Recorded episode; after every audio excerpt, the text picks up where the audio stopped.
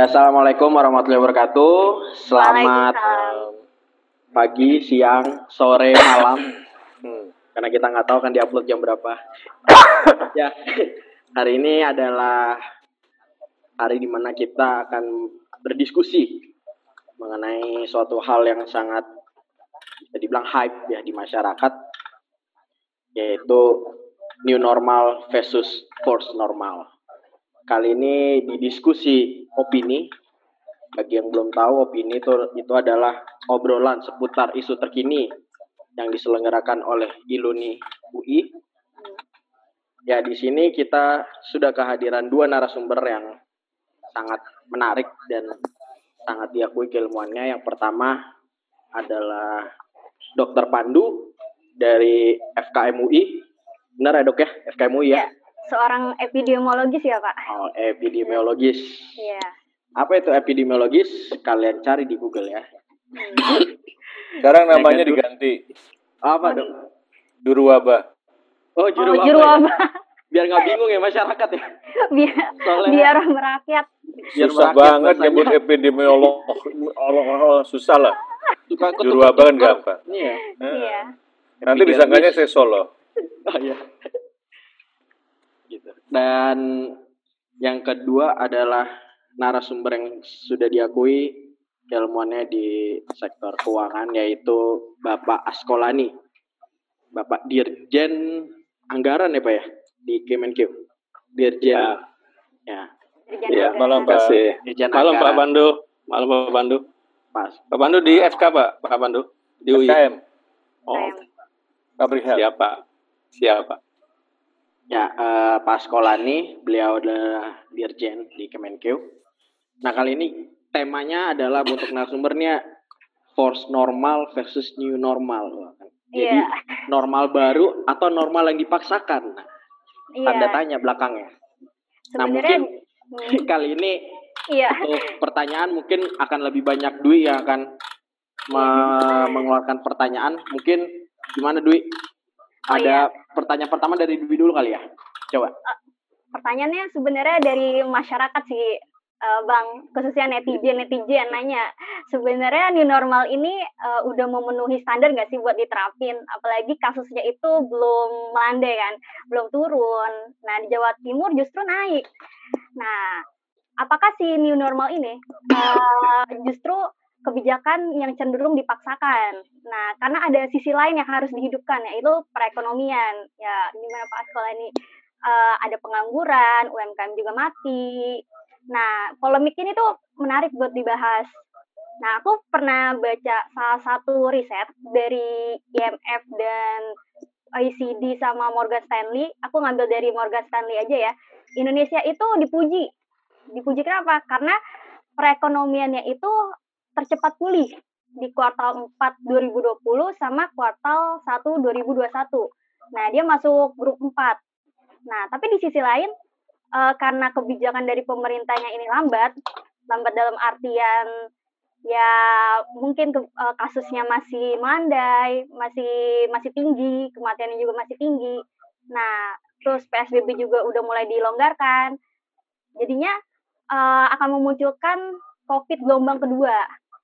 Nah, mungkin dari Dokter Pandu dulu ya bisa menilai pandangannya, pandangan Dokter Pandu mengenai kebijakan wabah, penanganan wabah di Indonesia. Sudah, saya sudah Sudah. jawab. Oke. Iya, Gitu, saya sangka masih Iya. panjang sekali pertanyaan.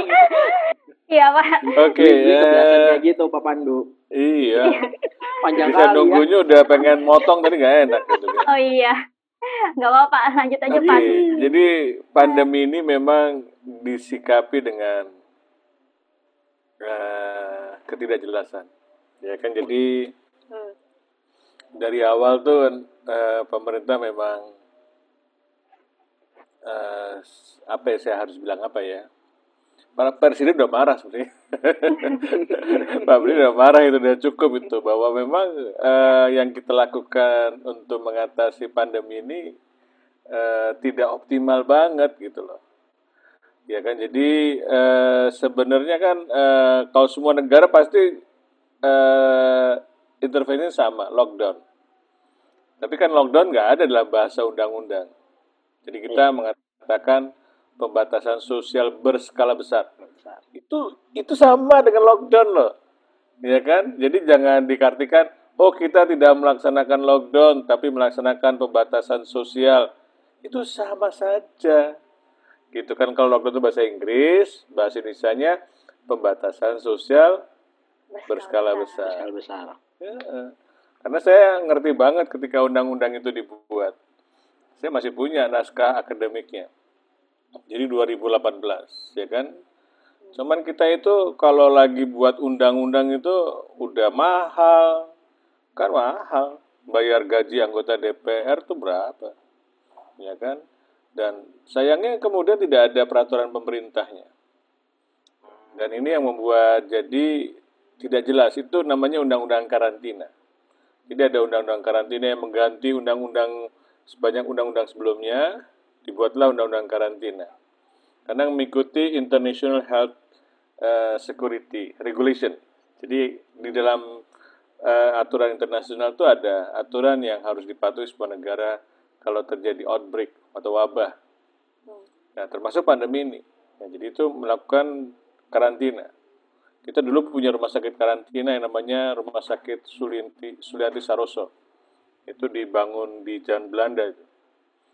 Atau zaman Republik, saya lupa. Pokoknya itu rumah sakit khusus untuk mengatasi wabah. Nah, kemudian karena nggak ada PP-nya ya, jadi waktu mau dilaksanakan intervensinya nggak jelas. Ya, teman-teman dari Kemenkes itu juga bingung, gitu kan. karena karena tadinya nggak siap gitu menganggap bahwa pandemi ini tidak akan masuk Indonesia padahal nggak mungkin padahal sudah banyak kasus dilaporkan sejak Januari sudah ada jadi sudah ada kasus di Jakarta. Cuman waktu itu tesnya masih negatif karena menggunakan teknik yang masih lama. Ya kan? Dan kemudian eh, sebenarnya negara kita itu eh, sudah punya persiapan namanya Impres nomor berapa ya lupa. Itu tahun 2019 ditandatangani Pak Jokowi.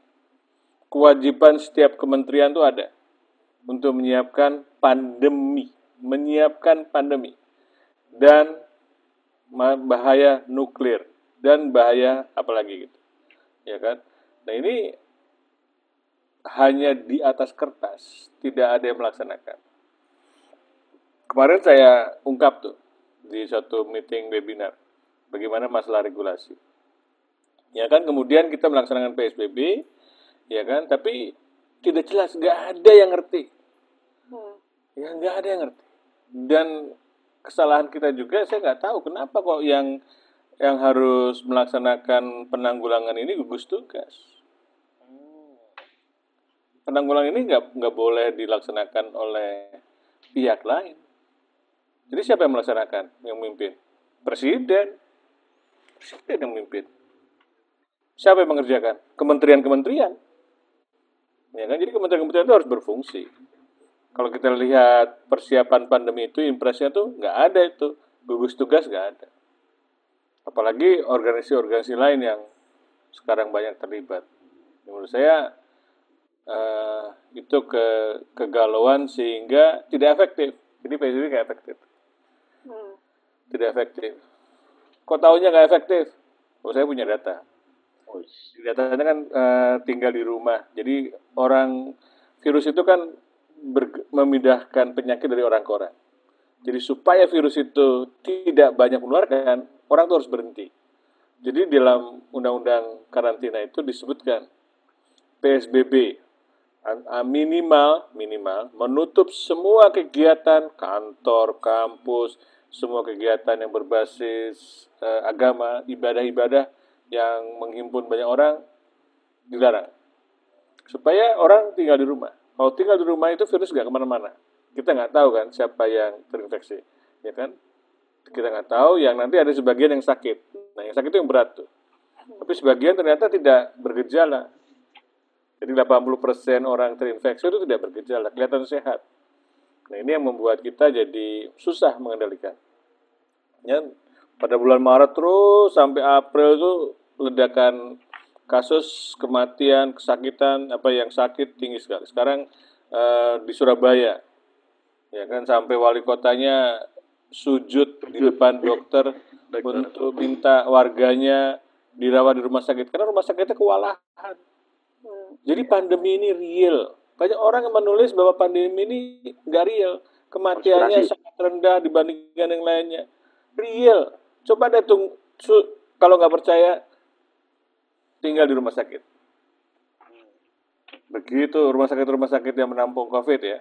Kalau rumah sakit-rumah sakit yang lain kosong, orang takut ke rumah sakit. Wah nggak ada yang sakit COVID. Orang yang sakit non COVID nggak ada yang mau ke rumah sakit, takut. Ya kan itu yang yang eh, sering kali kita melihat bahwa ada dua sisi yang kita harus lihat. Kalau rumah sakit COVID real, Hmm. ya kan. Nah ini menurut saya karena tidak efektif, ya kan PSBB-nya ini nggak ada nggak ada gunanya lagi diperpanjang, menurut saya. Oh, Karena buat apa? Karena menghentikan kegiatan manusia, menghentikan sosial manusia itu nah.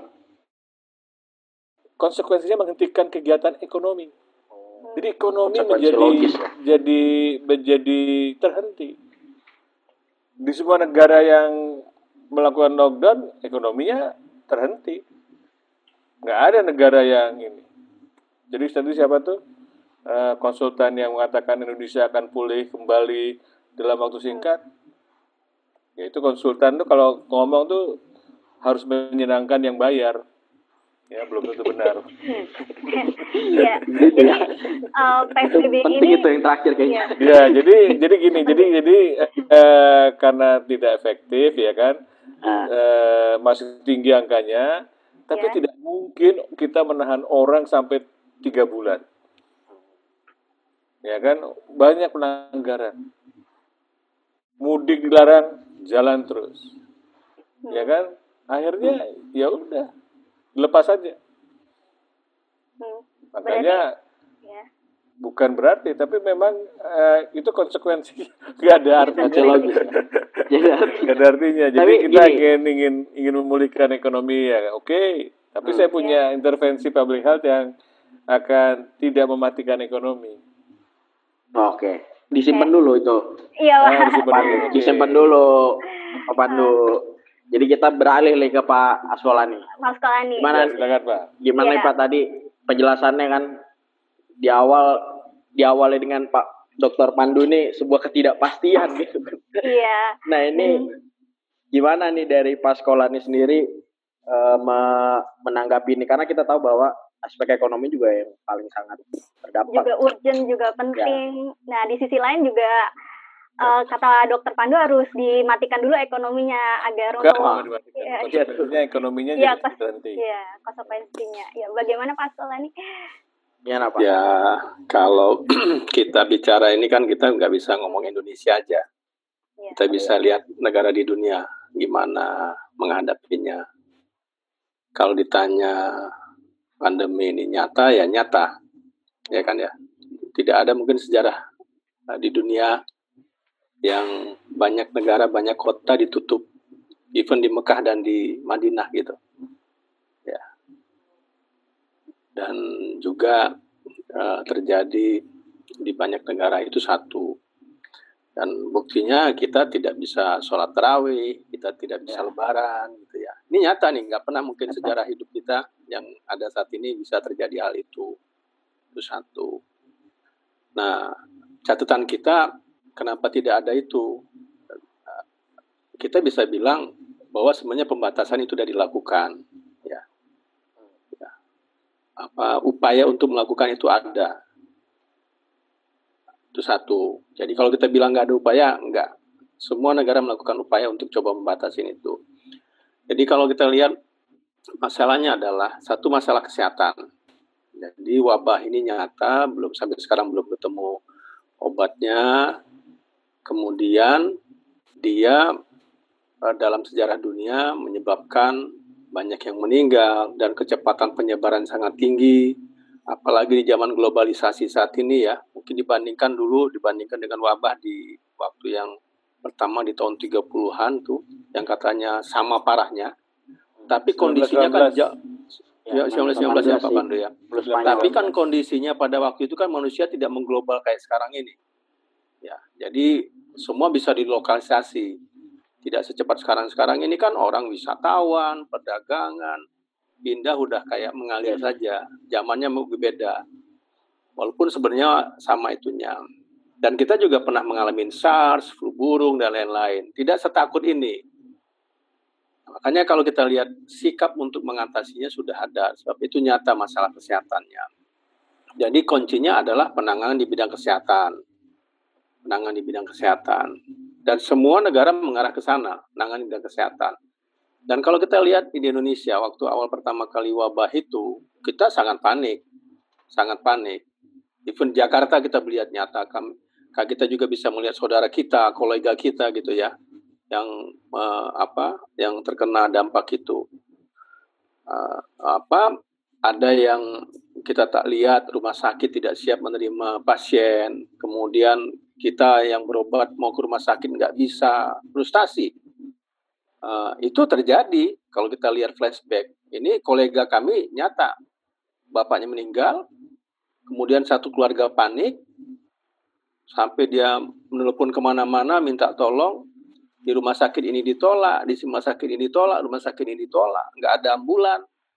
Dan kemudian itu nyata kami lihat sendiri. Sehingga sampai istrinya tuh juga minta bantu untuk mengata, bisa me, bisa membawa anak-anaknya yang yang orang tua orang tuanya udah meninggal seperti itu.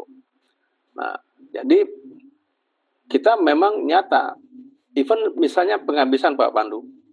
Ada saudara kami di daerah Pak Uh, bapaknya tuh udah 65 tahun Pak pensiun. Dia di rumah saja. Di rumah saja Pak, nggak pernah keluar. Tapi kemudian Pak, dua minggu yang lalu masuk rumah sakit. Dan dua hari yang dua hari yang lalu meninggal. Dan kemudian indikasi COVID. Di rumah saja nih bapaknya. Rupanya apa? Istrinya, anaknya, mobilitasnya. Jadi uh, baru kita ikut ini juga apa sedih juga masih adiknya ibu kami yang meninggal itu. Nah, jadi kalau kita bilang ini tadi presiden bilang kalau nggak krisis ya salah. Ini krisis kata presiden kan.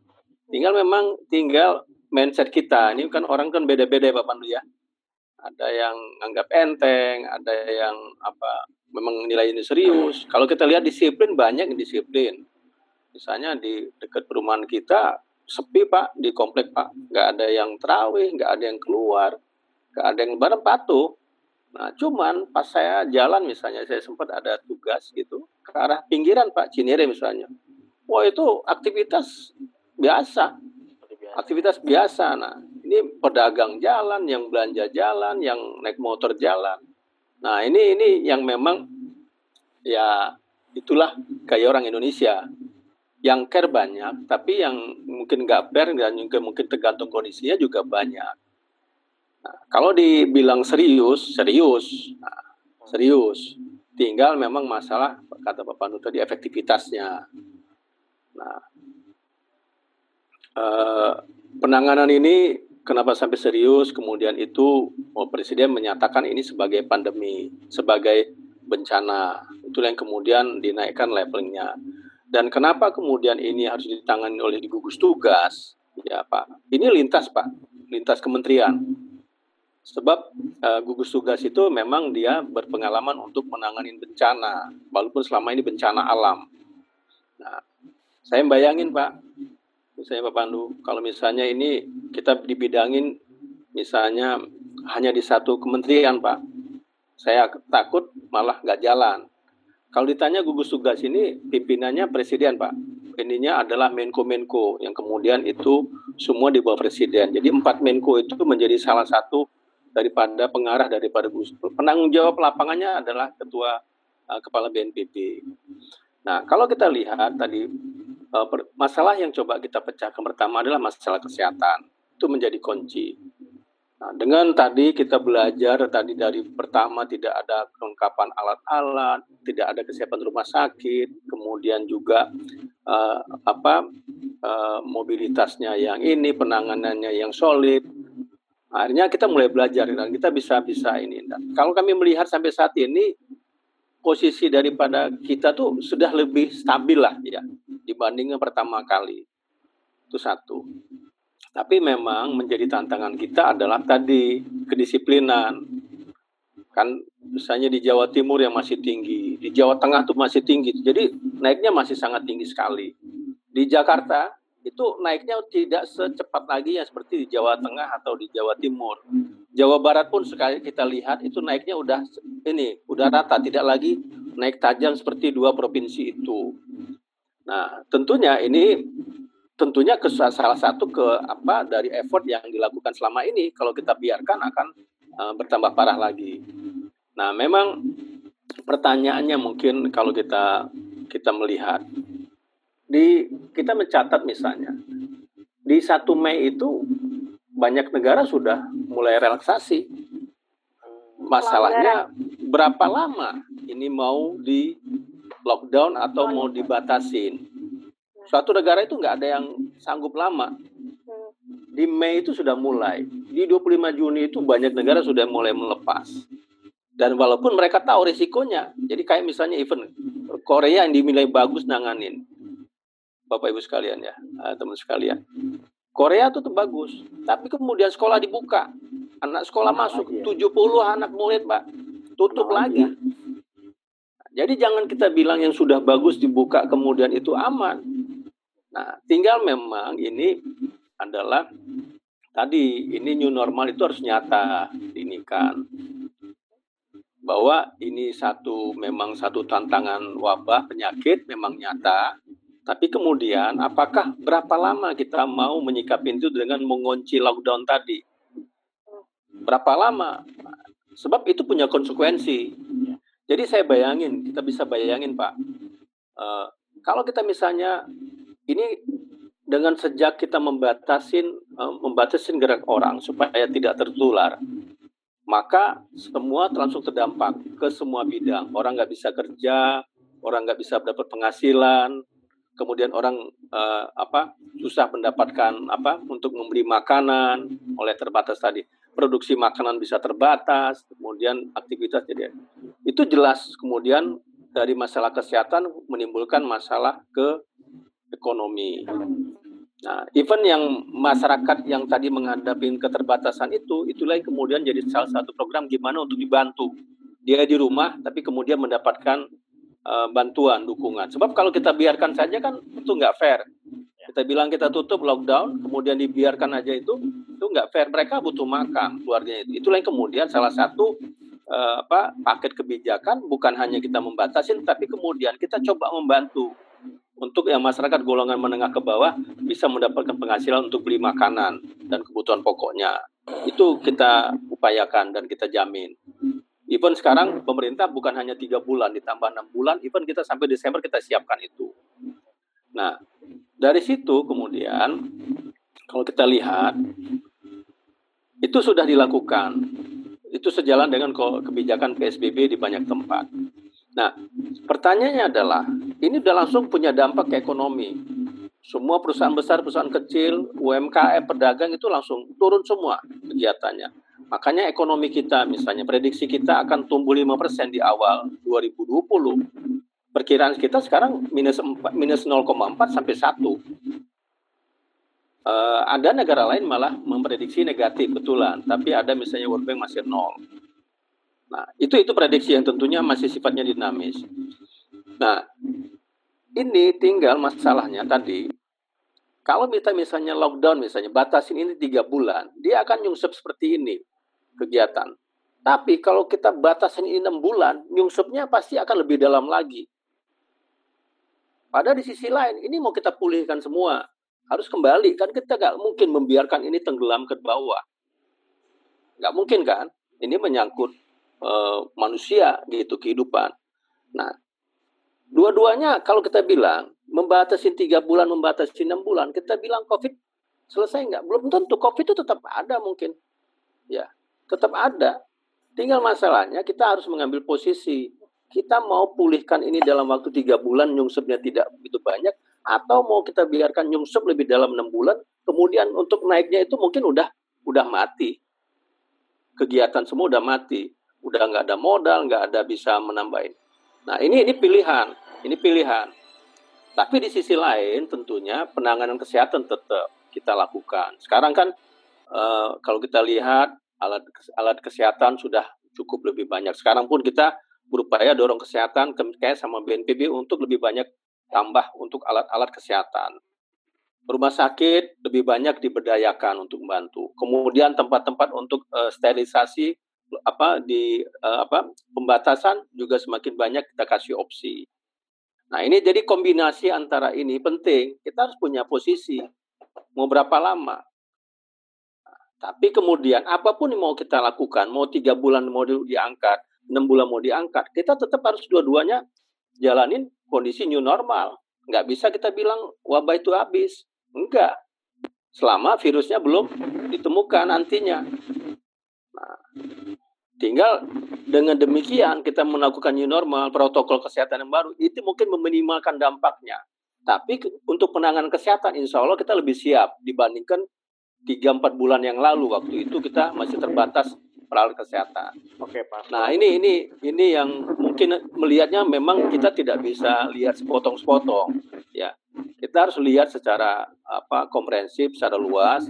Even kita bandingkan di negara lain gitu tadi itu kan, tadi mungkin uh, uh, pembukaan dari kami. Makasih. Ya.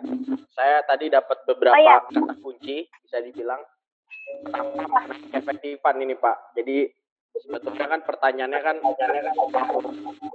berapa efektif nih kita akhirnya bisa uh, ber, bertahan dari lockdown ini. Karena kita tahu bahwa ini nggak mungkin. Orang-orang ini manusia ini disuruh ngidem ya di rumah mulu kan.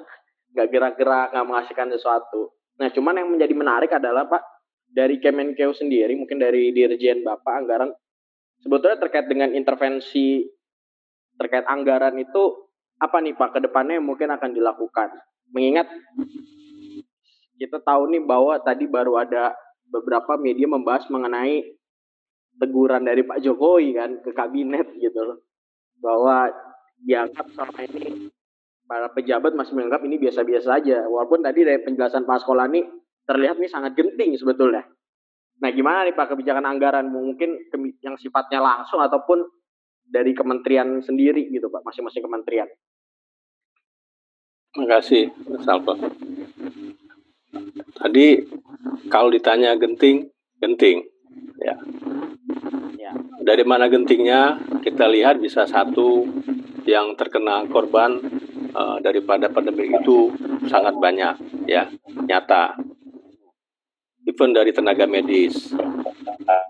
Nah yang kedua oleh ini sangat extraordinary ya membatasi ruang lingkup kita. Makanya sampai pemerintah mengeluarkan perpu. Ya. Mengeluarkan perpu itu tujuannya adalah untuk memastikan pendanaan penanganan COVID ini. Perpu ini, Bapak sekalian, termasuk adalah membreak Undang-Undang Keuangan Negara yang defisitnya di Undang-Undang Keuangan Negara itu defisit APBN itu dilimitasi hanya 3% daripada PDB. Kita yakin kalau kita mengikuti Undang-Undang Keuangan Negara itu, maka kita tidak bisa mendanai untuk penanganan COVID dan dampaknya. Tidak mungkin. APBN tidak akan sanggup dengan limitasi itu. Hanya pemerintah serius membuat perpu dalam kondisi yang terbatas PSBB dan uh, uh, sangat apa tidak ada mobilitas sama sekali pada waktu itu. Teman-teman bayangkan membuat perpu. Perpu ini adalah ujung-ujungnya adalah untuk memastikan pendanaan pendanganan ini. Sebab kalau tidak didanai, mulai dari kesehatan sampai dampaknya, maka Indonesia bisa tidak survive menghadapi itu. Ya. ya. Hanya dari Perpu itu sampai kita harus menaikkan defisit APBN kita dari 3% maksimal menjadi 6% saat ini. 6,34. Double dari batas limitnya. Malah kalau dari batas awalnya APBN kita, defisit APBN kita untuk pendanaan pembangunan itu di bawah 2% daripada PDB. Coba teman-teman bayangin, kita harus membuat perpu dalam waktu seminggu selesai. Kita harus membahas dengan DPR, kita harus melaksanakan. Dan dengan kebijakan itu kita bisa mengeluarkan pendanaan untuk penanganan COVID dan dampaknya itu bisa 600 triliun lebih pendanaan untuk kita siapkan Sampai akhir tahun ya Pak? Sampai akhir tahun. Ini tidak ada ceritanya dalam penanganan APBN kita selama ini bisa seperti itu. Mungkin kita bandingkan dengan ini krisis tahun 98. Tapi gini Ya. Pak, supaya konteksnya Sebentar, sebentar, belum selesai. Sebentar dulu, jangan dipotong dulu. Bentar ya. Nah, saya Iya, maksud Pak. saya kegentingan memaksanya itu kelihatan, extraordinary itu jelas. Ya. Sehingga kemudian kalau kita tidak danain, ini tidak ada kepastian penanganan kesehatan, penanganan dampaknya. Makanya sampai kita sediakan 600. 600 itu paling tidak kita bisa pastikan bahwa untuk penanganan kesehatan itu bisa sampai 87 triliun rupiah. Kita siap untuk mendanain. Kemudian untuk membatasi orang gerak supaya dia diam di rumah, kita memberikan bantuan sosial, perlindungan sosial kepada masyarakat golongan menengah ke bawah. Itu dananya sampai 100 T lebih untuk memastikan mereka bisa yang tadi kena PHK yang nggak kerja itu bisa mendapatkan bantuan dari pemerintah. Mereka bisa tetap survive. Kemudian perusahaan yang terkena, UMKM yang terkena, itu pun harus dibantu. Kalau nggak dia nggak bisa naik, nggak bisa tumbuh. Dia harus membayar cicilan dan lain-lain. Ini satu paket nih ngomongnya.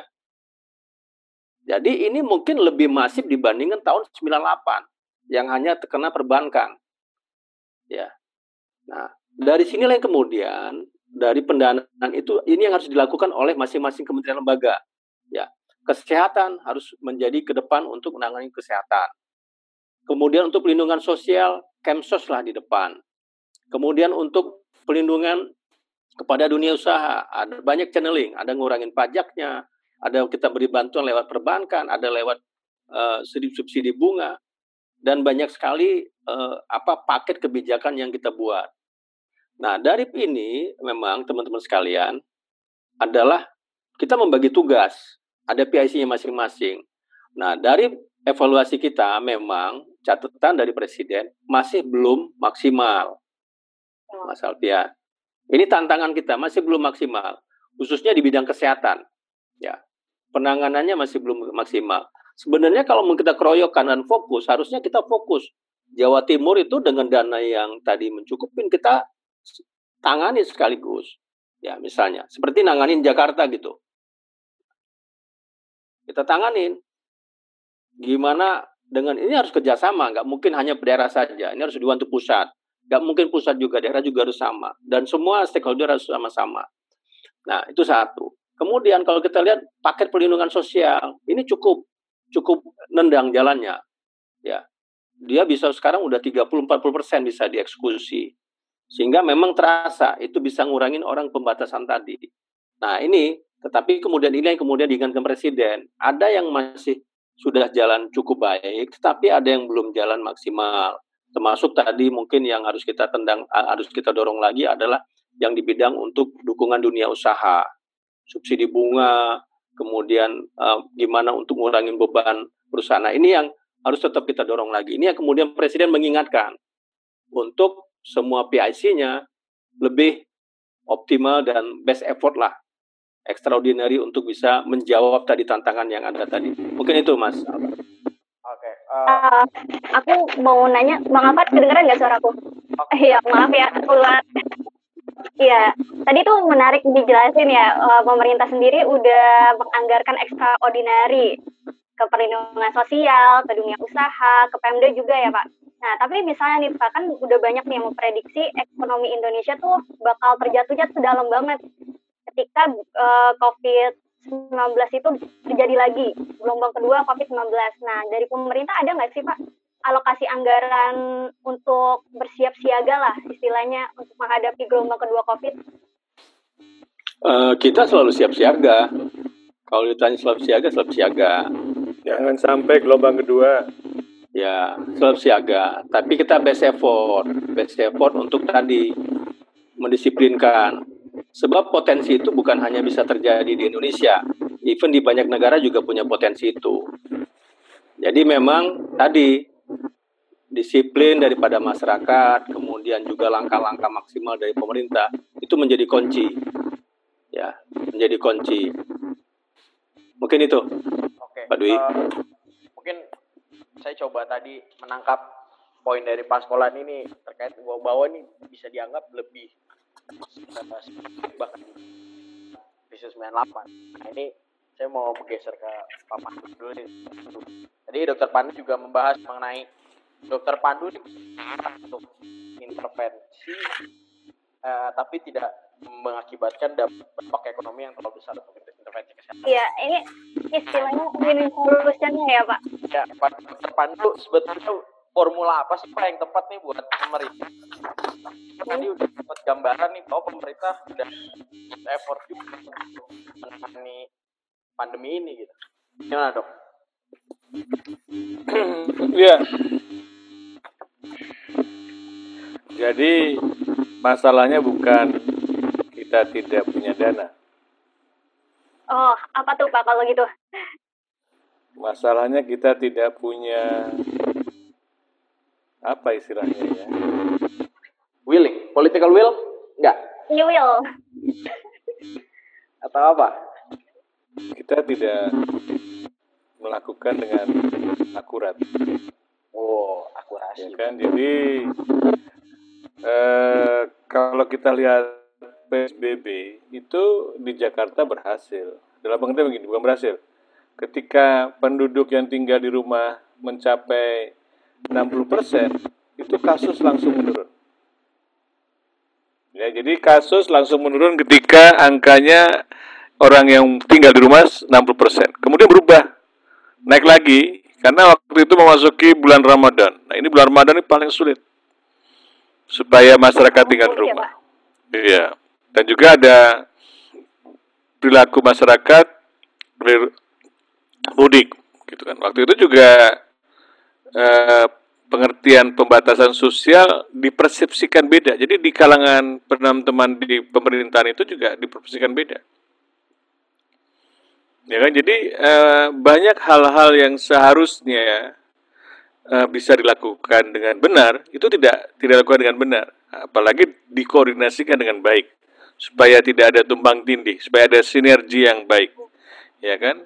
Itu sebabnya saya tuh hampir tiap hari mengkritik tapi memberikan solusi. Ini yang harus dilakukan, ini loh yang harus dilakukan.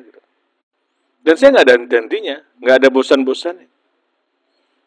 Karena ya itu percaya atau tidak, saya harus bicara ke gubernur, Pak Anies, Pak Ridwan Kamil, Pak Ganjar, Bu Risma. Karena semuanya bingung. Bu Iva belum berhasil. Ya kan? Bu Iva saya belum berhasil. Pak Emil saya belum berhasil. Saya harus kontak sekretaris pribadi saya berusaha menembus supaya bisa langsung. Ya kan? Ini saya ingin memberikan bantuan. Ya kan? Jadi saya melakukan analisis independen bagaimana ininya. Saya bilang saya dari UI.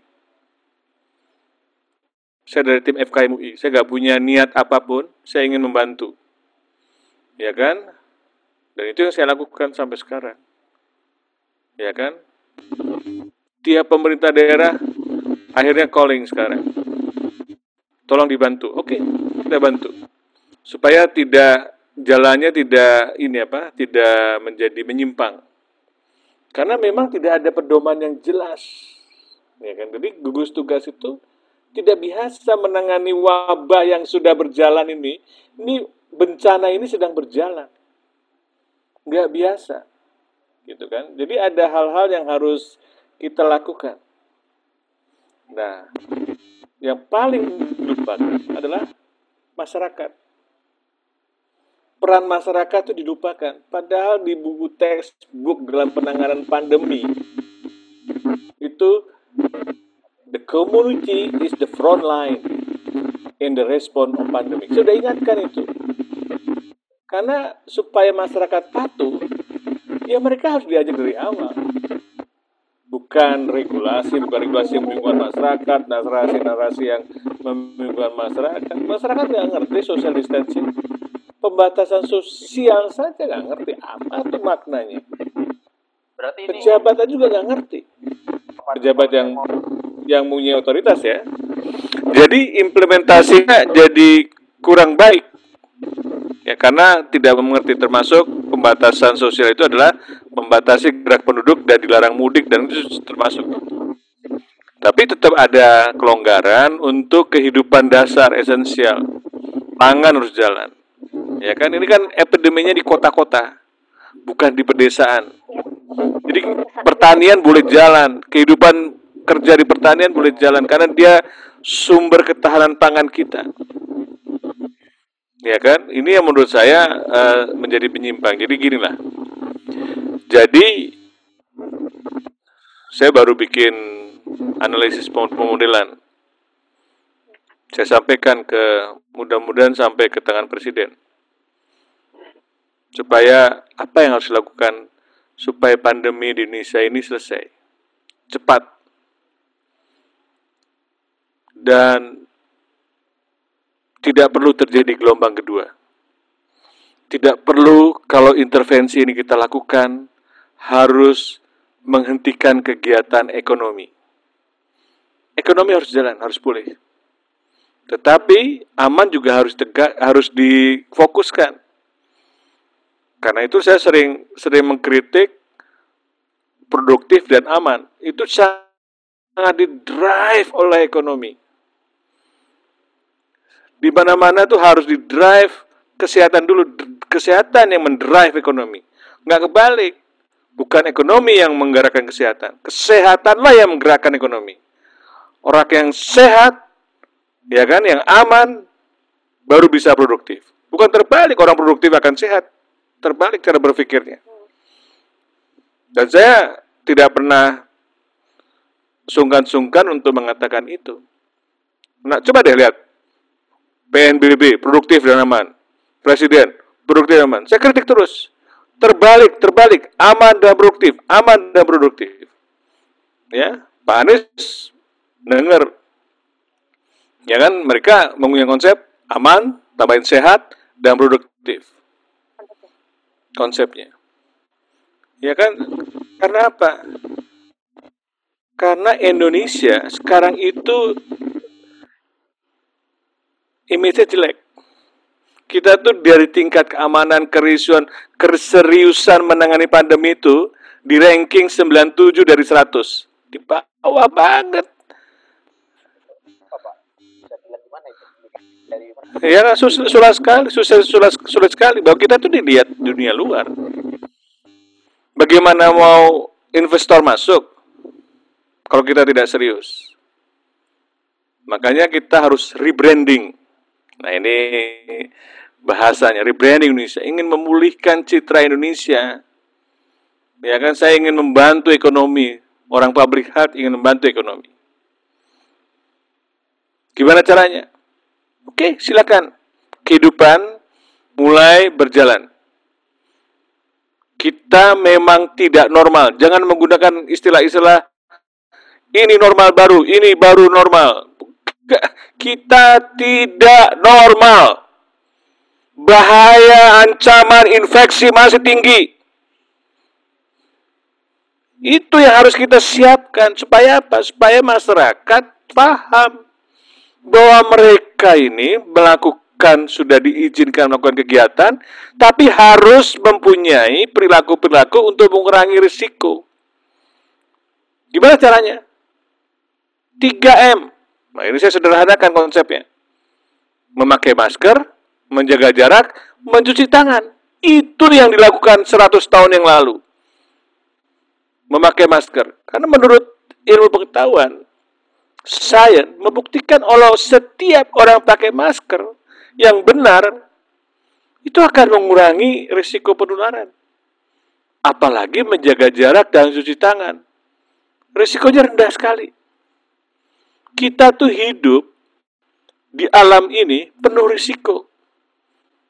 Kenapa kita boleh naik motor dengan kecepatan tinggi? Ada bahayanya kecelakaan, cedera kepala, mati. Pakailah helm. Kenapa harus pakai seat belt?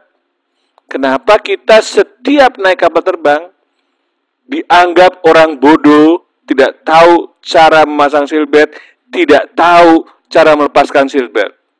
Diajarin gini loh, gitu kan? Ya kan? Karena bahaya, kita tuh menempuh perjalanan yang berbahaya. Sama seperti sekarang, kita tuh sekarang menempuh kehidupan yang penuh bahaya. Jadi silahkan bergerak, silahkan melakukan kegiatan ekonomi, pelan-pelan kita buka, ya kan?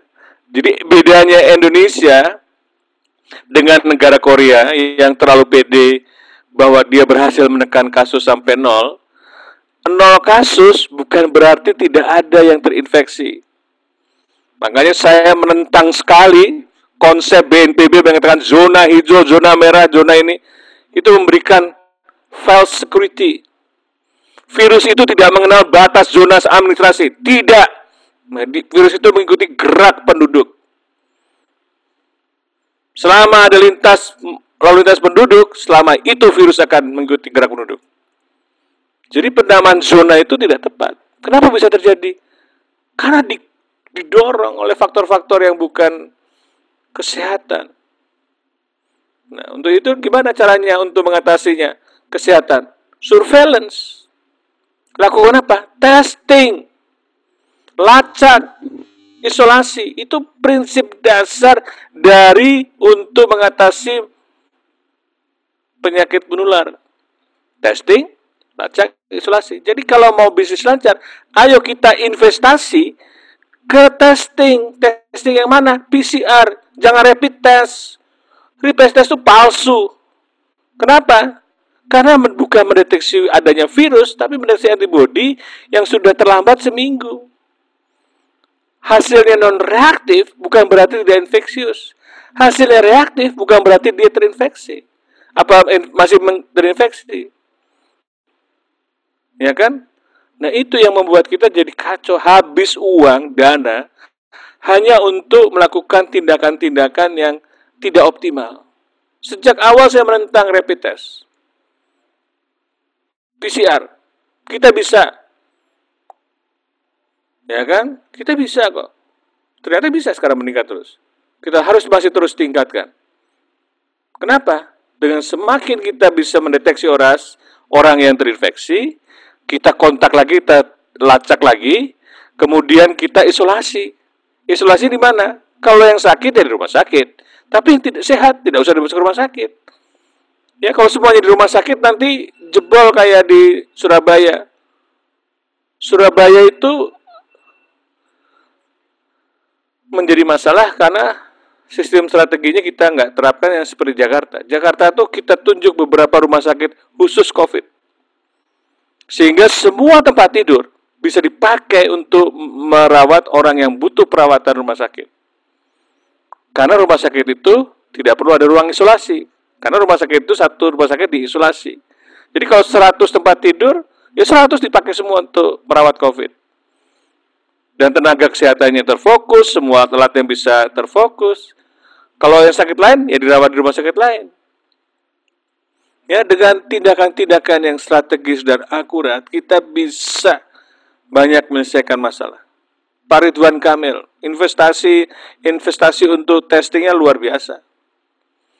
Ya kan, bagaimana beliau mendatangkan alat tes PCR dari Korea Selatan. Sumatera Barat, Bagaimana seorang teman di sana mendatangkan mesin PCR? Pakai uang sendiri. Ya, jadi jadi sebenarnya kita mampu. Dan ketika masyarakat dilupakan, kita melupakan bahwa masyarakat itu mempunyai social capital. Modal sosial masyarakat itu jauh lebih besar nilainya dari uang yang kita punya. Negara ini punya uang berapa sih? Nggak banyak. Tapi semua modal sosial ini yang membuat negeri ini bertahan. Dari karena itulah kita ajak masyarakat itu untuk dari awal mematuhi karena dalam pandemi yang panjang ini tidak akhir tahun ini nggak akan selesai. Tahun depan juga masih belum selesai. Ya, tapi nggak usah PSBB lagi. Karena PSBB itu tidak efektif. Jadi tadi silakan beraktivitas, tapi lakukan surveillance dan 3M. Bagaimana supaya 3M ini berjalan dengan baik? Komunikasi terus-menerus dengan bahasa yang mudah dimengerti masyarakat. Kita punya teori, punya strategi pemasaran sosial, komunikasi, perubahan perilaku. Kerjakan. Apa selama ini ada strategi itu? Gak ada. Gak ada. Gak boleh. Bukan hanya konferensi pers ini nggak cukup pemberitahuan ke semua masyarakat, semua influencer, tokoh masyarakat mengedukasi masyarakat. Tokoh ulama yang didengar, yang dipercaya.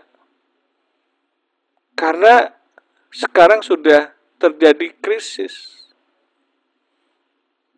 Nah inilah jadi kita kenapa dari awal walaupun sudah deklarasi kedaruratan suasananya tidak darurat, tidak cepat, sehingga tidak optimal. Tidak ada yang extraordinary. Walaupun teman-teman dari Departemen Keuangan sudah memberikan alokasi anggaran yang hebat, tapi nggak bisa dipakai juga, nggak berani dipakai, atau nggak tahu bagaimana makainya.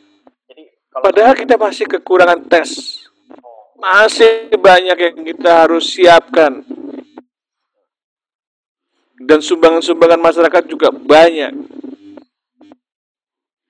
Ya, jadi kita tuh bisa kok menyelesaikan pandemi ini. Saya optimis banget, tapi menjadi kadang-kadang hopeless ya. Karena tidak dikerjakan dengan akurat. Masa sudah kesalahan kemudian baru saya kritik. Capek saya. Seharusnya kita rencanakan. Ini loh plan of action ya. Ini loh. Selama ini kan negeri ini harus dimanage dengan baik. Dengan program, ada program, ada monitoring, ada evaluasi. Nggak ada yang jalan. PSBB nggak dievaluasi. Nggak dimonitor. Bagaimana saya monitor? Untung saya punya akses di UI, punya kerjasama dengan Facebook sehingga saya bisa mengakses big data, memonitor gerakan gerak penduduk di seluruh Indonesia sampai tingkat kelurahan. Saya bisa memetakan itu, menganalisis untuk mempelajari efek PSBB. Karena saya juga tidak ada artinya tanpa data. Tanpa data saya nggak punya fungsi. Saya ngomongnya bisa seomong serangnya, tapi kalau saya berbasis data, ini loh masalahnya, ini loh masalahnya. Kenapa begini? Ini buktinya. Dari mana? Ini datanya ada. Ya, itu kekuatan kita sebagai akademis. Menggunakan data untuk kebijakan. Makanya setiap minggu saya selalu presentasi ke teman-teman di KSP. Ini loh situasi terakhir. Ini yang harus dilakukan. Ya kan? Jadi jangan menggunakan apakah siap atau siap. Dulu negeri ini dibangun kita nggak siap. Walaupun ada namanya Badan Persiapan Kemerdekaan Republik Indonesia. Ya kan? Tapi begitu kita mau merdeka, orang bilang nggak siap kita banyak negara dipersiapkan dulu baru dikasih kemerdekaan, tapi kita merebutnya. Jadi kita bisa merebut kemenangan ini melawan corona. Jangan hidup berdampingan dengan corona. Sorry kalau kata-kata saya sedikit uh, nyitir-nyitir pendapat orang besar. Ya kan? Isu tadi akurasi, komunikasi, partisipasi yang kurang. Bisa dibilang gitu ya tadi ya? Iya, jadi jadi kita masih masih kalau lihat kapan tanya selesai, gitu kan? Ya saya punya perkiraan. Kurva pertama aja masih belum selesai. Ini kurva pandemi itu kayak gini nih. Belum selesai. Ya masih di sini nih. Ya kan? Belum naik ke atas. Belum sampai ke puncak. Nasional loh, nasional. Kalau beberapa wilayah sudah sudah mulai turun bagus. Ya tapi itu akan panjang. Bisa panjang banget loh. Bisa kayak gunung Bukit Barisan. Kayak Bukit Barisan tuh satu pulau itu pulau Sumatera tuh gunungnya itu nggak pernah satu gunung namanya disebut Bukit Barisan. Karena berbaris. Atau kita nanti bisa kayak gunung di Pulau Jawa. Gunung Gede, turun, Gunung Ciremai, turun, Gunung Merapi, turun, Gunung Semeru, turun, nanti Gunung Agung di Bali. Kita nggak mau itu. Karena itu akan menghentikan lagi kita akan menjadi negara yang terpuruk. Ya kita harus mencintai negeri ini jangan capek untuk mencintai negeri ini. Jadi kita harus berusaha keras semaksimal mungkin. Sebagai orang UI, ada nama Indonesianya. Ya, kita harus berbuat sebaik-baiknya. Terima kasih. Tadi frase-frase orang-orang besar yang dikutip tadi. Dilihat tuh saya ada kata Pak Jokowi juga Pak Kemenkeu juga tuh yang terakhir jangan pernah lelah mencintai Indonesia. Ah iya kan. Saya kan orang kecil, saya orang kecil, orang orang kampung, orang Depok. Nah ini saya minta tanggapan dari Pak Sekolani sendiri terkait dengan tadi banyak yang dibicarakan oleh Pak Pati mengenai banyak isu, ada ada inefisiensi bahkan saya tangkap tadi ada uh, ada kesalahan dari pemerintah sendiri untuk memberikan alokasi anggaran seperti itu. Nah, kalau dari Kemenkeu sendiri terkait dengan tadi menarik dibahas mengenai monitoring dan surveillance nih dari Pak Pandu. Sebetulnya Kemenkeu itu ini nggak sih Pak Sekolah ini monitor penggunaan mungkin di masing-masing lembaga atau dari gugus tugas sendiri dan menilai keefektifannya apakah selama ini udah efektif, tepat guna, efisien kah? Atau bagaimana Pak Askola nih coba bi mungkin bisa menanggapi. Halo Pak. Dimut. Satu-satu mungkin uh, kita sampaikan. Bahwa paling tidak kita sudah punya planning ya yang komprehensif ya satu itu yang kemudian uh, secara institusi juga dilaksanakan dan dijalankan oleh pemerintah dan ini kolaborasi antara pusat dan daerah. Ya, satu. Nah, yang kedua, mungkin catatan kita adalah dalam pelaksanaannya tadi, ya tadi semua pihak dilibatkan. Ya, even di gugus tugas itu pun ada tim pakar yang ikut memberikan masukan yang memang tugasnya di by day. Jadi jangan dibilang BNPB itu hanya menangani bencana alam saja, enggak.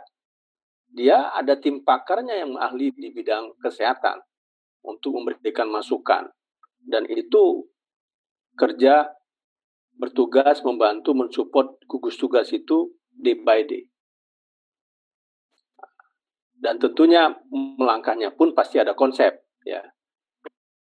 Nah, catatan kita yang ketiga adalah memang tadi uh, even kita pun dalam pelaksanaan kegiatan dan anggaran pun kita juga dipantau, dibantu BPK, kita juga koordinasi dengan kepolisian, kejaksaan, dan juga KPK pun juga ikut dilibatkan pemerintah untuk membantu ya untuk implementasi nih supaya governance dan akuntabilitasnya juga dijaga.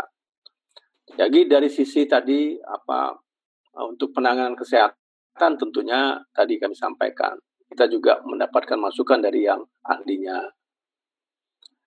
dan tentunya uh, dari Kemkes pun menjadi benchmark kita.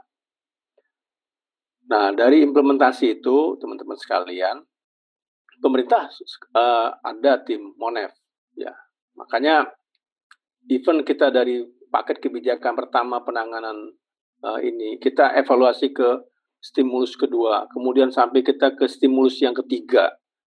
Even kita pun sesuaikan lagi di uh, stimulus mungkin istilahnya saya bilang stimulus keempat sebab kebijakan ini diambil dituangkan dalam Perpres 72 ya yang kemudian penanganannya lebih uh, masif lagi, lebih komprehensif lagi dan lebih luas lagi.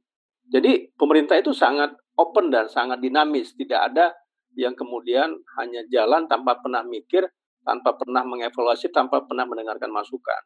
Itu yang kemudian tidak dilakukan, tetapi kemudian selalu dinamis dan mengevaluasi.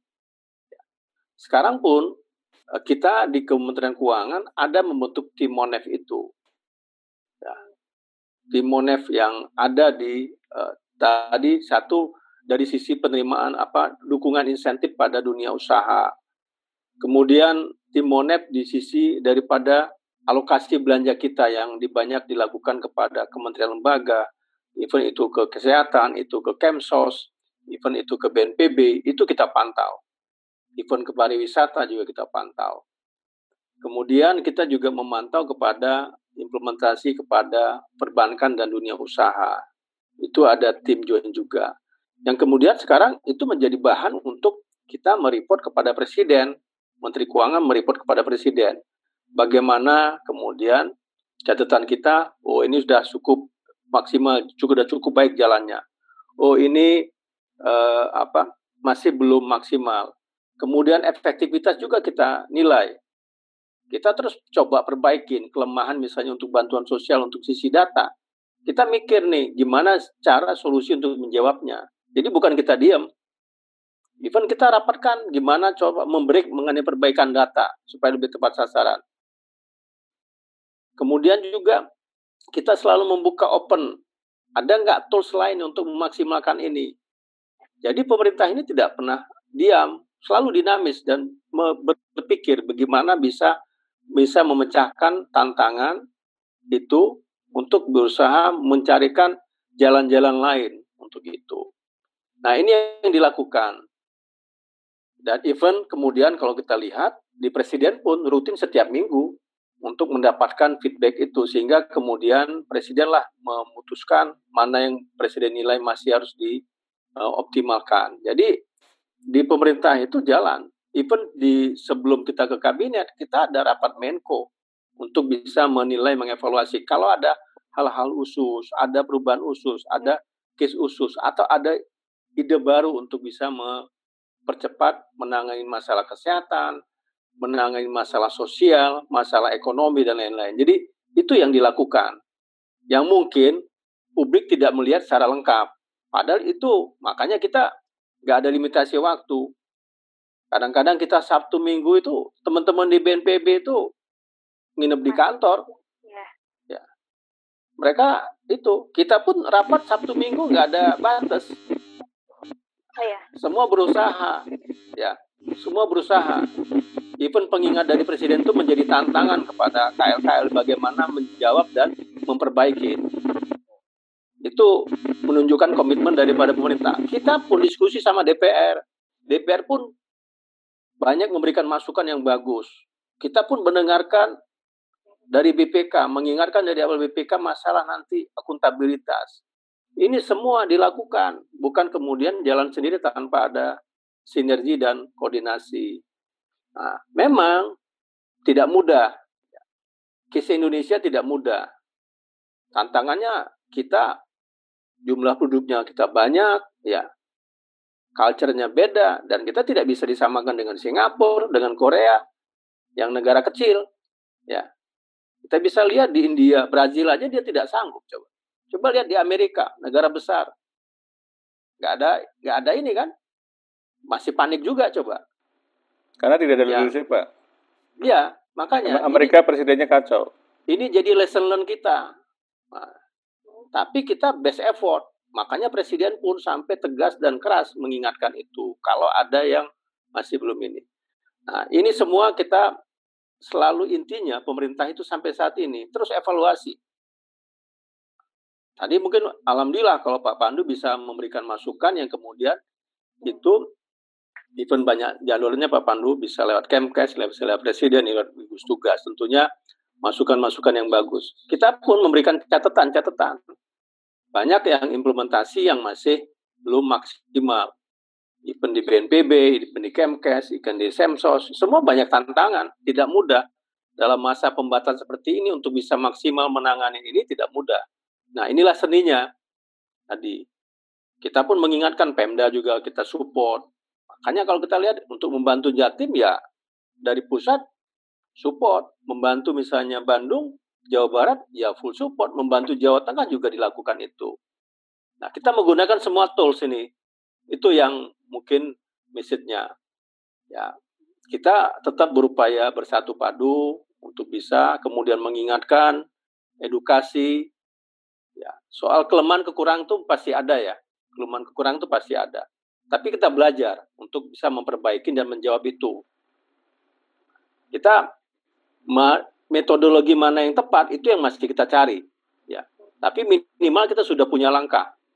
PSBB itu salah satu metodologi ya.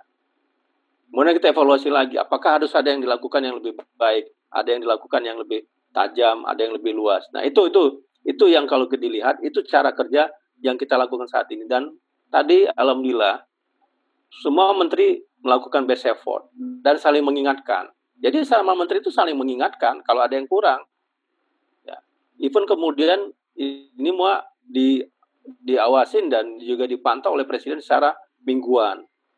Jadi semua tetap koordinasi ini, tidak jalan sendiri-sendiri. Dan kita tahu bahwa langkah kita ini tadi ini penting untuk bisa membantu memulihkan masyarakat dan bangsa kita, ekonomi kita. Kita harapannya tadi kita bayangkan kalau kita tidak best effort, ya mungkin yang uh, terkena bisa lebih banyak. Kalau kita tidak best effort, mungkin dampak kepada pertumbuhan ekonomi kita akan jauh lebih tajam. Kalau kita tidak best effort, mungkin pengangguran akan lebih banyak lagi, kemiskinan akan lebih banyak lagi. Tapi dengan best effort kita bisa kurangin tadi. Kita kurangin. Yang kemudian memang punya dampak, tapi kita harapkan tidak terlalu dalam. Yang kemudian kita bisa kembalikan ini uh, kembali ini. Dan ini sama dihadapi bukan hanya Indonesia, banyak negara juga sama. Dengan cara dan gayanya masing-masing.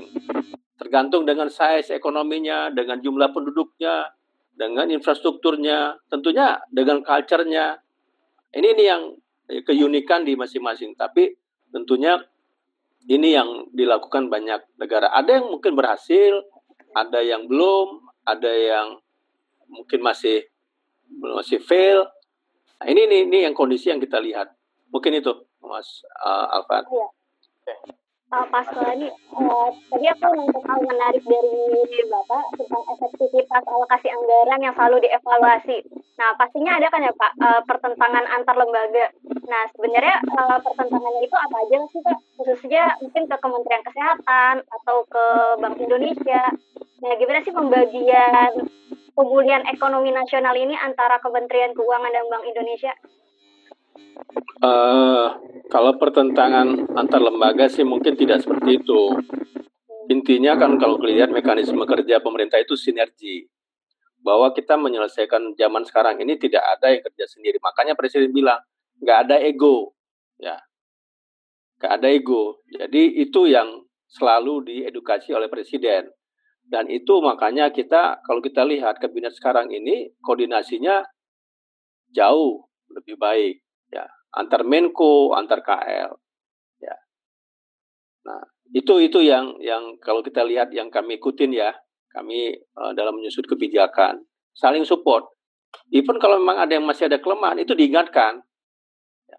Bukan dipertentangkan, tapi diingatkan untuk bisa diperbaikin dan disupport. Ya. Tapi tadi memang tadi dalam menyusun kebijakan itu bisa saja beda pendapat. Ya. Kan kita tidak belum tentu sama. Tapi kemudian ini adalah apa ininya apa apa memang mekanismenya pada akhirnya akan akan ada keputusan beda pendapat sih wajar saja Pak. Kita memilih yang terbaik, mendiskusi yang terbaik. Sebab pendapat masing-masing kan belum tentu itu yang paling maksimal. Kita bisa mengcombine.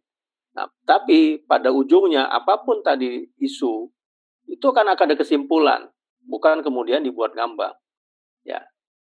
Jadi pasti akan ada keputusan untuk kemudian maju sama-sama. Itu itu yang mekanisme yang yang dilakukan selama ini. Demikian, Mbak. Oh ya, kalau kebijakan dengan Bank Indonesia itu gimana ya pembagian perannya, Pak? Kebijakan apanya? Izin. Pemulihan ekonomi nasionalnya, Pak. Ya, uh, kalau sama Bank Indonesia semua dikerjakan sesuai dengan porsinya. Bahwa kita tahu untuk menangani ini selain dilakukan oleh pemerintah, ya ada juga BI perannya.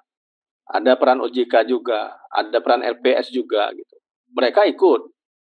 dalam satu koordinasi.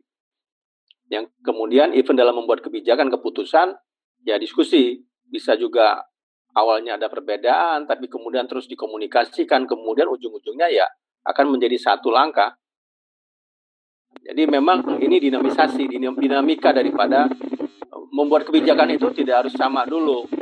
Mungkin pemikiran dan pendekatannya bisa beda-beda. Itulah demokrasi gitu ya. Iya, Pak. Tapi kemudian pada ujungnya harus ada kesimpulan. Presiden putuskan kebijakan mana yang paling tepat. Ada mekanismenya. Ya. Jadi mungkin itu Mbak Dwi. Oh iya. Ya, uh, sedikit tambah uh, ini minta tanggapannya Pak Sekolani untuk target dari eh, target lagi prioritas maksud saya prioritas dari Kemenkeu sendiri atau mungkin dari Dirjen Anggaran itu kan tadi Pak Pandu sempat bilang kita nih ada inefisien gitu loh karena kayak misalnya untuk tes kurang masif gitu. Nah sebetulnya kalau dari Kemenkeu sendiri pemetaannya gimana Pak? Apakah prioritasnya selama ini lebih banyak ke dunia usaha mem sebetulnya selama ini sudah ada prioritas ke uh, tes massal itu atau bagaimana gitu Pak prioritas kebijakan yang dari Kemenkeu? Oh ya, sama mau okay. nanya juga Pak sebentar yang tentang burden sharing dengan Bank Indonesia itu kan udah ada tuh pembagian beban kerja penanganan COVID. Nah sebenarnya Kemenku itu uh, ngurusin apa dan Bank Indonesia ngurusin apa aja sih Pak? Oke, mungkin dari Mas Alfat dulu satu-satu ya. Iya Pak, silakan. Coba suaranya di, di, di mute supaya bisa enggak itu Mas Alfat sama Mbak Dwi. Uh, intinya gini, tadi Mas Alfat tuh nanyanya kaduk-kaduk nggak jelas ya inefisiensi di mana di kesehatan kesehatan jadi beda efisiensi di kesehatan dibadu dengan dunia usaha gitu nanti yang nanya bingung yang jawab juga bingung nah, jadi kalau kita lihat tadi terkait sama Pak Pandu tadi adalah bagaimana langkah ini bisa efektif intinya ya di mana apakah di bidang kesehatan apakah sudah optimal ini yang menjadi tantangan kita memang belum optimal makanya presiden mengingatkan kenapa penyerapan anggaran kegiatannya tidak bisa lebih uh, tinggi lagi. Ini diingatkan. Memang kita melihat banyak tantangan. Satu untuk pengadaan alat kesehatan ya untuk penanganan COVID. Ini menjadi tadi masukan dari Pak Pak Pandu mungkin sangat baik bahwa apakah kita mau lebih banyak PCR-nya atau lebih banyak rapid test-nya. Nah, strategi ini harusnya jelas ya, baik itu dari sisi Kemkes, maupun kemudian dari uh, gugus tugas me, me, me, mendesainnya gitu. Mana yang paling tepat untuk bisa tadi men-tracing, me, me, mendeteksi daripada ini tadi. Sebab rapid memang biayanya lebih murah, tapi efektivitas untuk mendeteksinya tidak maksimal. PCR itu efektif, tetapi ongkosnya mahal. Nah, opsi inilah yang kemudian harusnya ya dari ahlinya lah yang kemudian memberikan guidance arah Apakah kita mau lebih banyak PCR-nya, berapapun cost-nya akan kita tanggung. Atau kemudian kita combine dengan rapid test. Nah, ini ini yang mungkin uh, bisa menjadi bahan tadi dari Pak Pandu, jadi bahan masukan untuk perbaikan, untuk penanganan tadi deteksi, tracing, dan lain-lain. Itu satu. Nah, yang kedua, dikaitkan tadi, kita menangani bukan hanya menangani kesehatan, ini satu paket. Sebab kalau hanya nangin kesehatan saja, yang kemudian dampaknya tidak ditanganin, itu kita bisa uh, apa bisa ini bisa tertinggal semua. Makanya nangani satu paket, menangani kesehatan iya, supaya tidak menyebar adalah pembatasan. Pembatasan ini harus ada konsekuensi. Kita memberi pelindungan sosial. Pembatasan ini punya konsekuensi, dunia usaha turun, yang harus kita bantu. Nah, ini tidak bisa kita ngomong sepotong-sepotong hanya ngomong kesehatan saja. Tadi. Kalau tidak dibatasin, tidak ini tadi. Misalnya kita bayangin, kayak penerbangan. Harus dibatasi 50%. Itu punya konsekuensi pada penerbangan. Sebab kemungkinan cost-nya akan lebih mahal dibandingkan income dia untuk sekali terbang. Bisa seperti itu. Tapi ini harus jalan. Nah, nanti kita lihat bagaimana penanganannya. Makanya kemudian penanganannya adalah membantu industri penerbangan.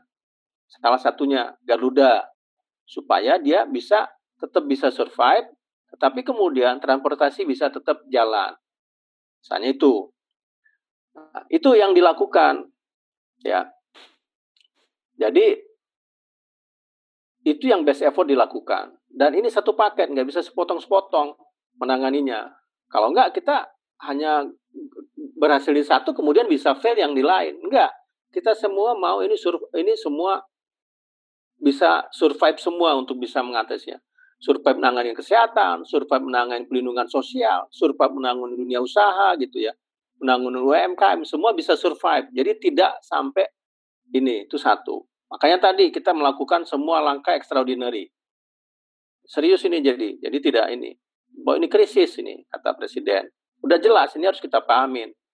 Nah yang kedua tadi mengenai pembagian tugas ya Mbak, Mbak Dwi, pembagian tugas itu udah jelas. BI ya nanganin bidang moneter, ya keuangan menangani bidang keuangan. Tapi antara BI, keuangan, kemudian LPS dan OJK itu ada dalam satu wadah namanya KKSK, Komite uh, Kebijakan Sektor Keuangan. Ini koordinasi Mbak Dwi. Ya, walaupun tugasnya terpisah, tapi dalam kerangka KKSK ini itu dibicarakan bersama dalam pengambil kebijakan atau dalam memantau uh, kegiatan di bidang sektor keuangan. Jadi tadi kalau ditanya Mbak Dwi jangan ditanya, ya udah BI tugasnya di bidang moneter gitu. Keuangan di bidang fiskal gitu. Itu itu udah pakem ya. Tapi ditanya ininya koordinasi ada. Nih, semua itu kan tadi saya bilang nggak bisa jalan sendiri. BI butuh dukungan dari pemerintah, pemerintah butuh dukungan BI, butuh dukungan OJK. Ini yang kemudian sudah dilakukan selama ini dalam kerangka itu tadi.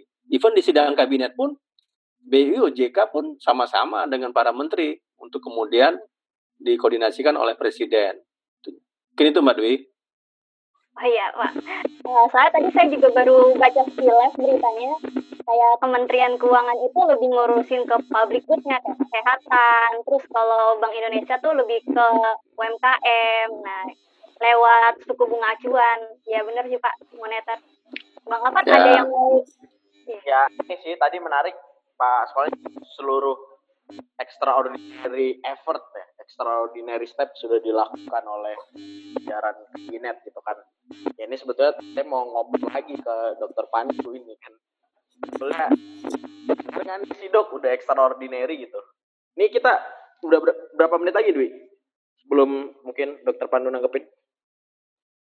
10 menit lagi bang. 10 menit lagi mungkin ini pertanyaan iya. terakhir Dokter Pandu nih.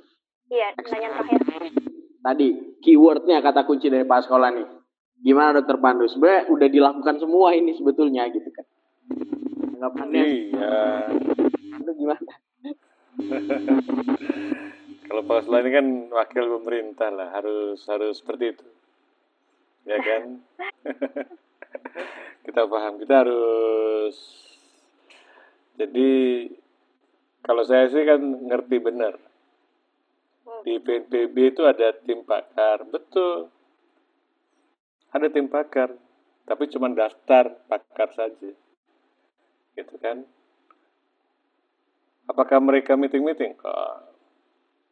Kan teman-teman saya semua di UI. Eh, hebat lo kamu jadi anggota tim pakar. Emang dibilang, enggak, kita nggak pernah rapat. kayak gitu. Jadi, jadi jadi jadi ada ada yang tertulis tapi tidak tidak tidak yang seperti kita lihat dalam cerita sehari banyak banyak sekarang banyak sekali kalau kita mau ungkap. Sekarang eh, kita tuh lagi menulis buku tentang perjalanan respon pandemi yang minta juga PNBP meminta tolong direkam semua supaya kita bisa lesson learn gitu kan. Jadi kita melakukan wawancara dengan banyak pihak Menarik.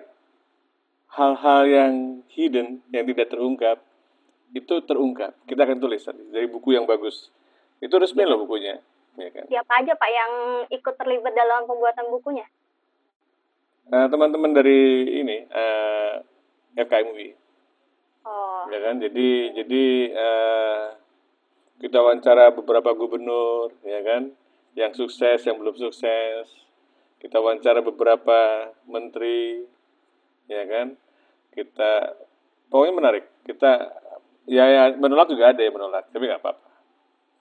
Jadi kan ini kan uh, walaupun belum selesai pandeminya tapi ini extraordinary experience. Jadi saya tuh sekarang kebanyakan ngutip yang pertama kali ngutip ngutip sambil marah kan Pak Jokowi. Menteri-menteri saya tidak bekerja secara signifikan gitu kan. Saya, saya sih bravo, bravo, bravo gitu kan. Eh, kalau saya sih sedang aja gitu kan. Dari dulu Pak, ayo, ayo, ayo gitu. Jadi memang Kementerian Kesehatan tuh menurut saya heng, nggak ada kerjanya banyak disruption dari COVID ini, pelayanan imunisasi nggak jalan, pelayanan masalah program kesehatan lainnya terhenti, tuberkulosis nggak jalan. Padahal untuk COVID sudah dikerjain sebagian besar oleh BNPB. Yang esensial nggak dikerjain. Yang esensial tuh maksudnya apa, Pak? Imunisasi. Oh, Coba bayangin, imunisasi anak tuh mulainya umur umur 3 bulan, 4 bulan, 5 bulan. Terlambat sekarang sudah, anaknya sudah 6 bulan. Ya, banyak yang takut. Tapi harus ada cara, ya harus dipikirkan bagaimana hal-hal yang basic services for the people itu harus jalan. Ya enggak? Tahu alinea kedua dari pembukaan Undang-Undang Dasar 45. Masih ingat nggak? Masih ingat nggak? Kenapa Indonesia didirikan? Apa tujuan kita bernegara? Melindungi segenap tumpah darah dan seluruh mengenai segenap bangsa dan seluruh tumpah darah. Maaf saya koreksi. Terus kemudian nanti mencerdaskan kehidupan bangsa, mensejahterakan. Yang pertama kali itu adalah melindungi. Itu tugas konstitusi. Siapa pun penyelenggara Republik ini. Kita pilih setiap lima tahun. Kita harus tuntut itu. Ini bukan berarti makar ya, tapi kan kita minta lah. Kita minta. Karena itu tugas konstitusi. Jadi kita harus juga kita harus bantu. Pak Presiden harus bantu, Pak Jokowi kita harus bantu karena kita sudah memilih beliau atau sebagian besar memilih beliau, ya kan? Karena dia pemimpin kita, kita bantu supaya bisa menyelesaikan pandemi ini dengan cepat. Gimana caranya? Ya kan? Gimana caranya? Ya kita bantu mulai dari kita sendiri dulu. Kita sudah patuh nggak dengan protokol kesehatan? Ya kan? Kita sudah patuh nggak dengan protokol kesehatan? Karena kalau kalau ada satu dua orang saja melanggar itu sudah menjadi sumber penularan. Kita jangan menunggu vaksin lah, ngimpi vaksin ini akan akan ada tahun ini. Vaksin kita yang punya sekarang itu adalah masker. Masker.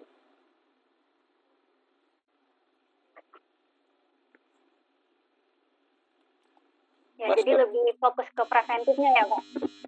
Iya, kan saya orang public health. Harus pakai masker. Cuci tangan, jaga jarak. Karena itu saya terlibat memikirkan tidak menyalah-nyalahkan pemerintah. Kita harus berbuat sesuatu. Dengan bersama teman-teman, saya punya ide, kita harus bantu. Ngapain? Gerakan pakai masker. Ya. Baru kita baru launching hari Minggu kemarin. Di mana? Di pasar. Ngapain? Seribu lebih pasar seluruh Indonesia, pasar tradisional. Kita mau dorong supaya pakai masker. Kenapa? Karena itu UMKM, kehidupan ekonomi rakyat tuh di pasar. Sekarang menjadi sumber-sumber klaster-klaster baru. Kita udah ingatkan, klaster baru ingat tuh pasar-pasar. Waktu itu nggak peduli. Ya kan? Karena itu pertemuan antara pedagang dan juga masyarakat. Pasar itu harus aman. Gitu. Jadi mulai positif aman. Jadi teman-teman eh, semua anggota elemen masyarakat, alumni UI dan sebagainya, coba deh kita pikirkan apa yang kita bisa buat, kita bisa kontribusi supaya pandemi ini selesai. Dari hal-hal yang sederhana. Saya dengan hal-hal sederhana pakai masker, digerakkan pakai masker.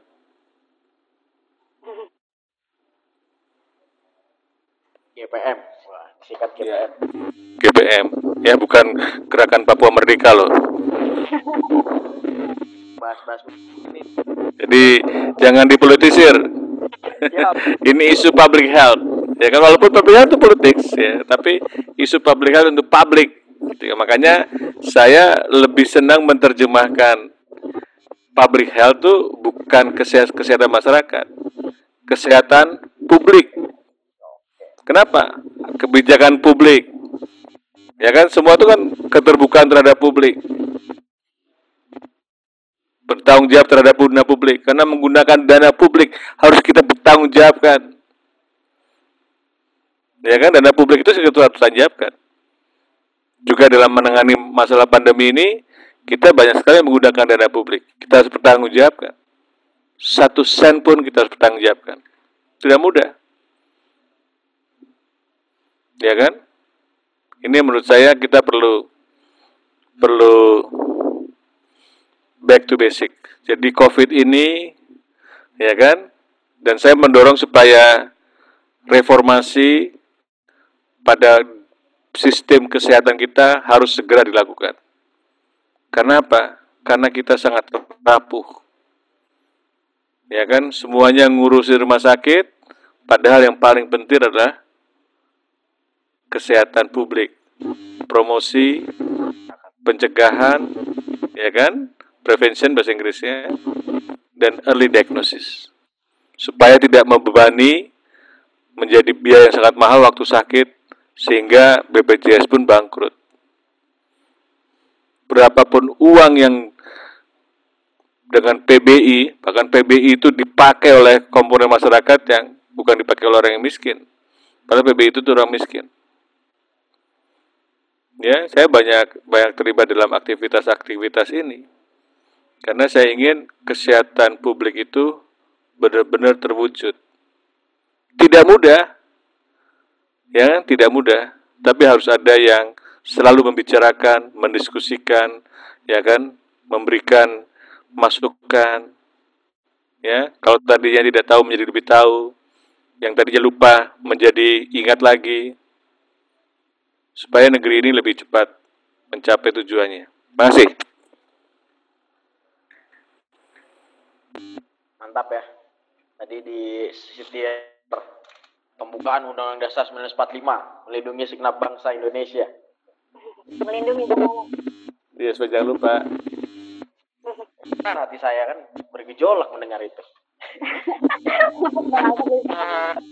Mungkin ini juga sekolah ini Pak terkait, terkait dengan uh, pemerintah sendiri ini mu- mungkin bisa dispesifikkan nih Pak untuk ini kita kan sekarang ada di Juli bulan ma- mau masuk bulan Juli ya? Iya, dari Juli, di akhir Juni. September November Desember. Ya berapa bulan lagi ke belakang. Untuk terkait dengan intervensi dari pemerintah sendiri langkah-langkah ke depannya apa nih Pak? Eh, Pak sekolahnya yang bisa dibagikan ke ini kan akan di di publish ya di Spotify, YouTube, insya Allah anak-anak muda juga akan dengar dan masyarakat sendiri juga akan mendengar. Bagaimana Pak Asmani ke depannya? Oke, mungkin ke the point aja ya.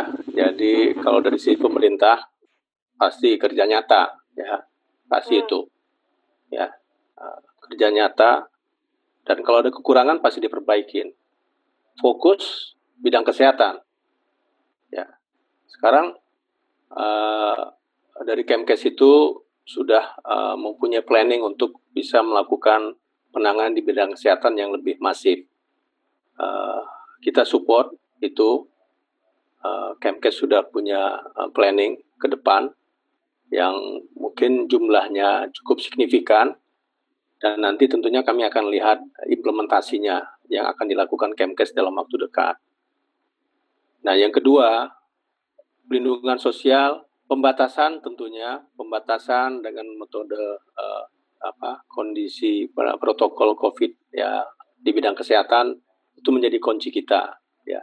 Masyarakat harus punya edukasi yang sama untuk tetap bisa menjaga jarak, pakai masker, cuci tangan. Itu udah uh, harusnya menjadi kondisi normal yang baru yang harus diimplementasikan.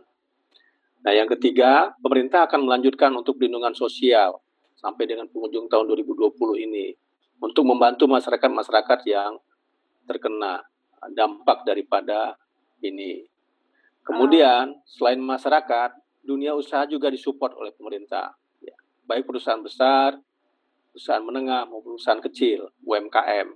Tentunya dengan skema yang beda-beda.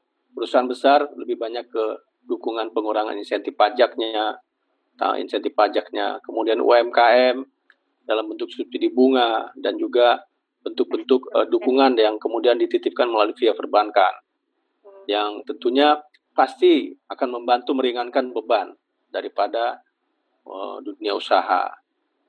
Dan kemudian tentunya ini langkah ini bukan hanya 2020, 2021 pun kita akan upayakan untuk bisa terus dilanjutkan dan ditingkatkan. Itu. Jadi itu yang nyata yang kemudian pemerintah terus evaluasi kami sampaikan dinamis ya terus lakukan pemantauan, perbaikan, dan tentunya kita pengen bahwa masalah kesehatan ini bisa kita atasi dengan baik. Kemudian kita bisa melibatkan semua stakeholder untuk bisa membantu itu. Even Pak Pandu bisa memberikan kontribusi di mana pun bisa beliau bisa uh, berikan, bisa lewat Kemkes, bisa lewat UI, bisa lewat BNPB, even bisa ke istana. Tentunya masukan-masukan yang bagus pasti akan di diperhatikan. Dan kemudian mungkin Pak Pandu juga bisa melihat langsung uh, teman-teman di BNPB melihat bagaimana uh, pelaksanaan tugasnya, bisa mengecek di sana diskusi tim pakarnya gimana, siapa aja yang ikut join. Tentunya itu bisa lebih nyata melihat, uh, kemudian bisa membuktikan, kemudian bisa menampung um, apa memberikan masukan yang kami nilai pasti akan sangat berguna bagi kita semua. Uh, dan kemudian uh, pemerintah juga tentunya sangat open terhadap itu. Dan ini mudah-mudahan tadi dengan uh, gotong royong, dengan apa, kemudian pemahaman kita yang sama, uh, kita bisa me, cepat mengendalikan apa uh, dampak pandemik ini di Indonesia. Kemudian kita tetap bisa membantu masyarakat yang terkena dampaknya Kemudian kita juga dapat membantu memulihkan kegiatan dunia usaha supaya terkait dengan tadi kebutuhan hidup manusia juga di Indonesia dan juga kita bisa harapannya bisa survive di tahun 2020 ini sehingga bisa melangkah maju ke 2001 dan ke depan. Tentunya mimpi-mimpi kita, planning kita ya akan terus kita wujudkan dan tentunya apa masukan arahan daripada pimpinan itu akan diperhatikan oleh semua stakeholder. Jadi mungkin itu uh, Mbak uh, Dwi, Salva, masukan dari kami, pandangan kami. Mudah-mudahan ini kita bisa bersama-sama bisa uh, membantu masyarakat Indonesia kita. Terima kasih. Jadi kita akan tetap fokus di kesehatan, sosial, dan ekonomi dan akan terus melakukan monitoring dinamis lah sifatnya.